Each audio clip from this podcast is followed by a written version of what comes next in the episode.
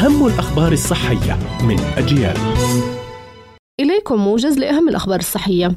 كشفت دراسة حديثة عن وجود علاقة بين مشاكل ضعف النظر لدى كبار السن في الولايات المتحدة وإصابتهم بالخرف وبينت نتائج الدراسة وجود إصابة بين جميع أنواع مشاكل الإبصار كقصر النظر وطول النظر وحساسية تباين الألوان واحتمالية أكبر للإصابة بالخرف أو الزهايمر.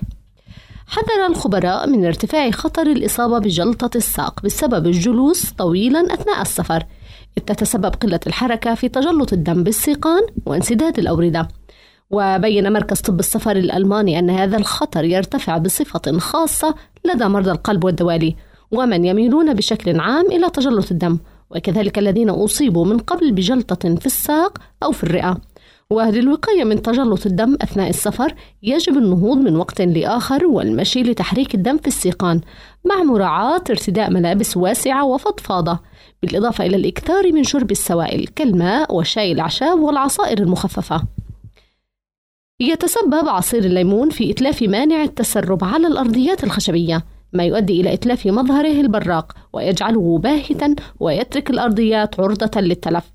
لذلك يجب تجنب تنظيف الأرضيات الخشبية بالليمون وإذا سقطت قطعة من الليمون أو انسكب عصير الليمون يجب تنظيفها بأسرع ما يمكن لتقليل وقت التعرض الطبقة الواقية لحمض الليمون. كانت هذه أهم الأخبار الصحية. قرأتها روزانا طه. إلى اللقاء.